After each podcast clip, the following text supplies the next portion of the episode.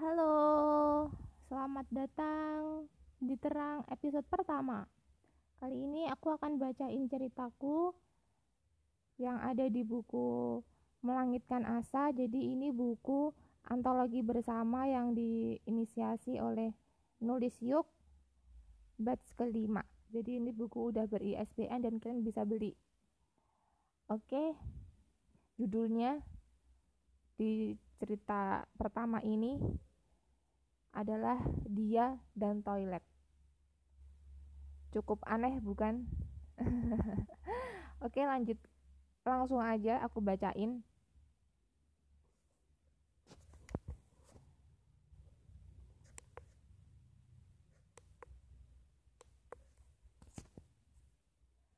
Aneh rasanya jika sebuah cerita tidak dibumbui dengan kisah bernama dia.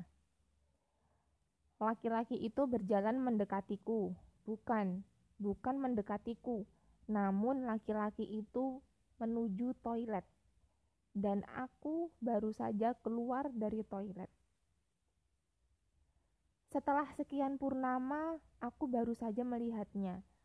Kacamata lebar dengan frame warna hitam penuh kukira menjadi ciri khasnya. Celana jeans hitam dipadu dengan kemeja hitam polos menjadikannya tampak berani. Bagian lengannya selalu ia gulung sampai siku.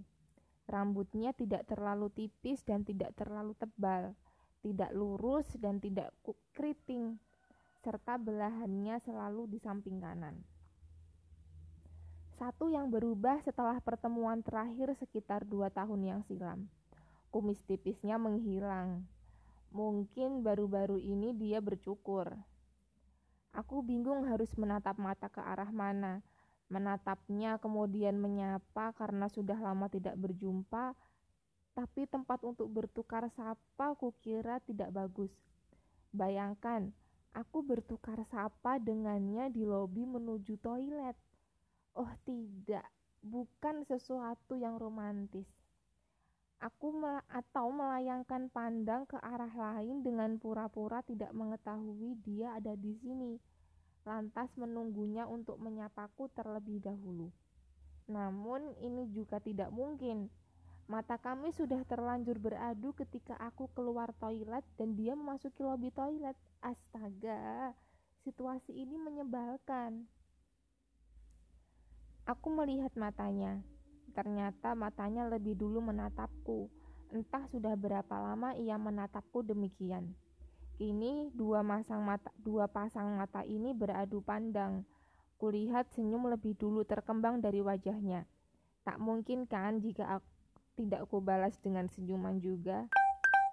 Hai Sai, sapanya. Kenapa ini membuatku berdebar? Ini hanya sapaan kecil dari teman lama bukan? Ayolah, say, jangan terlihat seperti itu di hadapan teman lamamu. Hai juga, jawabku. Jurus tersenyum dengan menampakkan deretan gigi kulancarkan demi lontaran basa-basi di lobi toilet.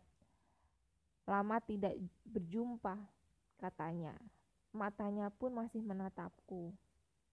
Iya, hanya ini yang bisa terucap dari sekian banyak basa-basi. Iya hanya iya. Ya ampun, Say.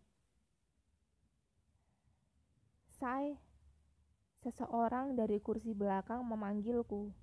Oh tidak, kenapa dia bisa duduk tepat di belakangku? Sehabis selesai acara ngobrol sebentar di lantai bawah yuk, ajaknya. Ngobrol apa?